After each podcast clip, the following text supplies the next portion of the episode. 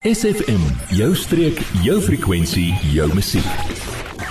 En uh, oorkant my soos elke donderdag Fred Orban met 'n van die kus tot kry Fred. Goeiemôre. Goeiemôre.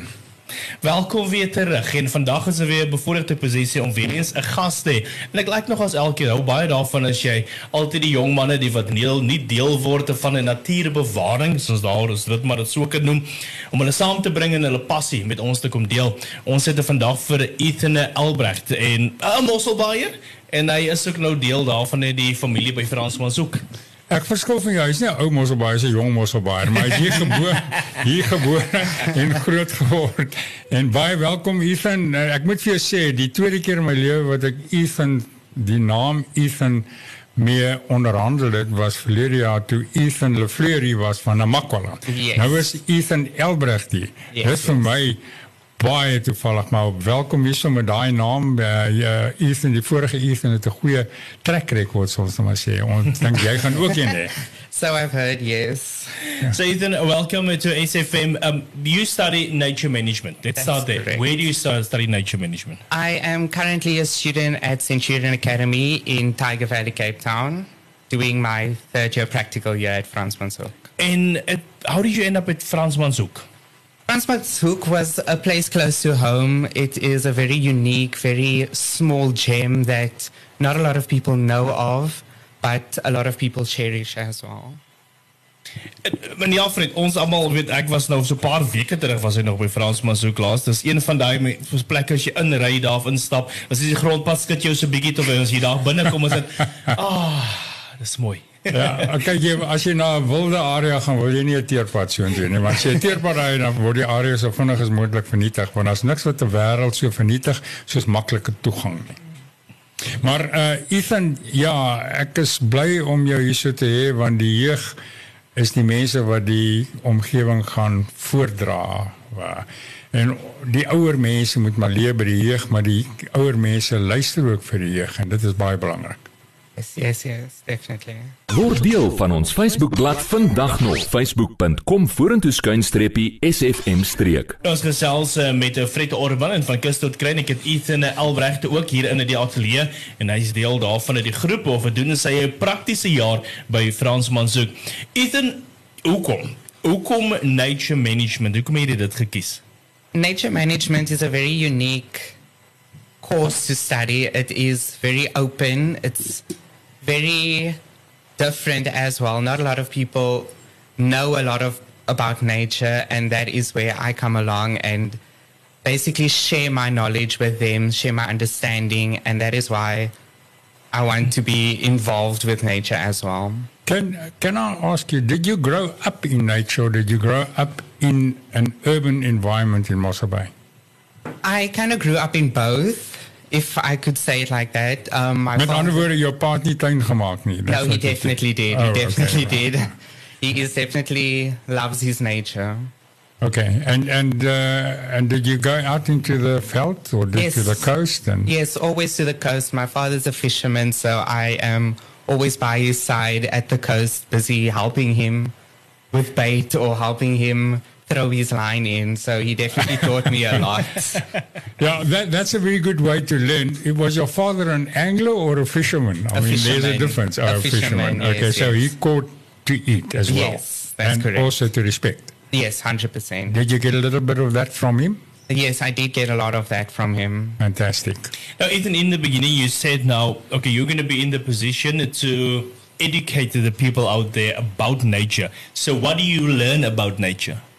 So we learn about how to conserve, respect, and re rehabilitate nature.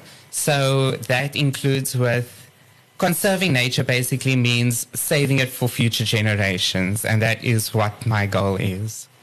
Is that to prevent destruction? Because uh, we always destroy and then we want to fix. That's that's a, human trait. Yeah. And uh, I think, uh, as I see nature conservation, is to conserve what there is, That's and correct. not to try and rebuild all the time, to destroy and then rebuild. Am I right when That is that? correct. Everybody considers conservation as destroying and then rehabilitating, but it's not always that. We always want to save what is currently there and Correct. what is currently happening. So that is it, yes. In our Mossel Bay area and in the Garden Route, we still have something that is worth saving. Am I right? That's correct, yes. And thank you for coming in and helping to spread that. Let's call it a gospel. Yes, thank you. very Gospel much. of conservation. That's correct, yes. Jy, ja jy. Nou dat ons jou aandag het, vertel jou vriende van SFM en ondersteun plaaslik. SFM maak elke dag 'n goed gevoel dag. SFM. Ek gesels met Fred Orban en Ethan Elbrecht hier op SFM en ons gesels van die kus tot kruin so 'n bietjie oor omgewingsake en dan Ethan wat nou nie deel is daarvan uit die familie by Frans Mazouk waar hy sy prakties doen is besig om te studeer studeer in nature management. En nou Fred, ja, Ja. die liefde van dit sekerlik om daai te kom. Ek Ek wil, net- ja, voordat ons daar kom, jy weet, ons is besig die laaste paar weke al met 'n program oor ons kusgebied ja. oor en hier is nou deel van die insette en dit is die bewaringsdeel. Uh wat ons nou mee besig is. Frans van Hoek is 'n bewaring met 'n sekere model. Hulle het 'n sekere uh, manier wat hulle dinge doen. Dit is hulle Hulle kry borge en dan employeer hulle mense wat die kus oppas. Midbrak bewaar jy weer 'n ander model wat hulle doen. Hulle gebruik die sosiale media. Op die einde van die dag sal dit wees dat uh die die bewaringsbeweging gaan alleenlik betaal wanneer mense 'n passie ontwikkel daarvoor en wanneer die hele omgewing 'n passie ontwikkel daarvoor want die mense wat in omgewing bly kan dit stop niemand anders as hulle stop nie ons gaan aan die eind van die program ook 'n bietjie met uh uh Ethan gesels net oor sy verslag oor die Brilpadda projek wat uh hier wat totally in die suide van die Suid-Kaap gaan oprig. En dan ja, so wat ek nou wou genoem het, um, ons het so 'n bietjie ons gesels nou oor Ethan en dan nou sy padte wat hy stap. En nou ons wil eerstens vir ons gaan na die Bilpadde toe. Daar's 'n paar ander gebiede ook in Mosselbaai wat ons wil aanraak ook nog.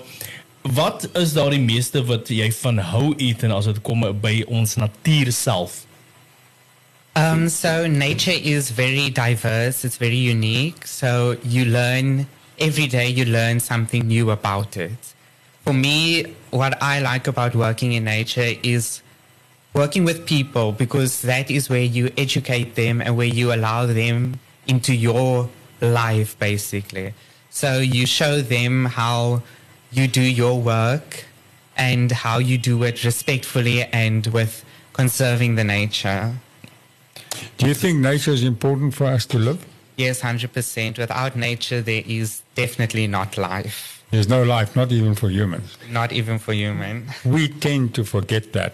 Um, we are pleased and we are looking forward to your progress this year. And we will give you one or two more interviews during the year, especially if you find some very interesting things on your side, like perhaps some Parlemoon poaching or something like that, which apparently is news today. Mark? Uh, Ja, dit uh, dit is iets wat gister gebeur het. Gister het gebeur, ek weet dit was die Mosselbaai polisie saam met natuurlik um, Seaboard se span en dan ook die Mosselbaai verkeer en die honde eenheid. Die Mosselbaai besig met die stig van hulle eie honde eenheid in die munisipaliteit waar hulle op perlemoen, 'n sak perlemoen ter waarde van of nee, die, met die gewig van so amper 20 kg of wat hulle kon kry het gister hier in voorby so met die Mosselbaai. So met om die draai by Dias was dit gewees waar hulle 'n paar manne vasgetrap het in 'n voertuig. So dit gebeur hier by ons. Uh, Mossel Bay is nie eintlik uh, bekend vir sy permoenie. Hier's maar hier en daar seker maar 'n kol, maar die mense sniffel dit uit want daar's baie geld daarbey betrokke is. Ja. Nie so nie. Maar kan ons 'n bietjie met Ethan net gesels? Ethan, jy het 'n verslag geskryf oor die Brilpadda gasprojek. Uh, you That's wrote you wrote correct, uh, yes. something there. What is your view on that? Just give us a short background. We've got a minute. So with the Brolpada, it is basically extracting gases, and for that to happen, you need a pipeline which goes through into the waters, basically. On the ground. That's correct. Yes. Hmm. So with that pipeline, there is very there's a lot of dangers that could happen hmm. if it's not cared for or not looked after correctly. So that dangers could lead to environmental destruction as well. Also the exploration? That's correct. Yes. Yeah, because I mean, um, you know, the fuel companies, of course, uh, deny any uh, Yes, serious implications. The point is just that this we have reached in in our existence as Homo sapiens, as Yes. humans, the the conflict between conserving and destroying to live. That's correct. And uh, we are and on, on the knife point at the moment, and depending which way we're going, that's how I see it. We're either going to go downhill now very quickly, or we're going to start realizing that, as the one Red Indian chief said many, many years ago, he said, and man will not realize what he has once he's poisoned the last river, cut the last tree, and caught the last fish. Only then will he realize that he cannot eat money. That's correct. Yes. En dis dan waarvan ons tyd het Fred vir hierdie week. Baie baie dankie. Ons gaan nou weer so later in die program, of soos Ethan so deur 'n jaar gaan hier by Frans Mazoux ons weer opvolg en ek kyk hoe dinge daar gaan en 'n bietjie terugvoering daarvan Frans Mazoux se kant af kry. Baie baie dankie vir die tyd en uh, die inligting wat julle vandag met ons kom deel het. Ethan, thank you very much for joining us. and Thank good luck. And we're looking forward to your progress. Thank you. Adverteer jou besigheid vandag nog op SFM. Vir meer inligting skakel SFM gerus by 044 801 7811.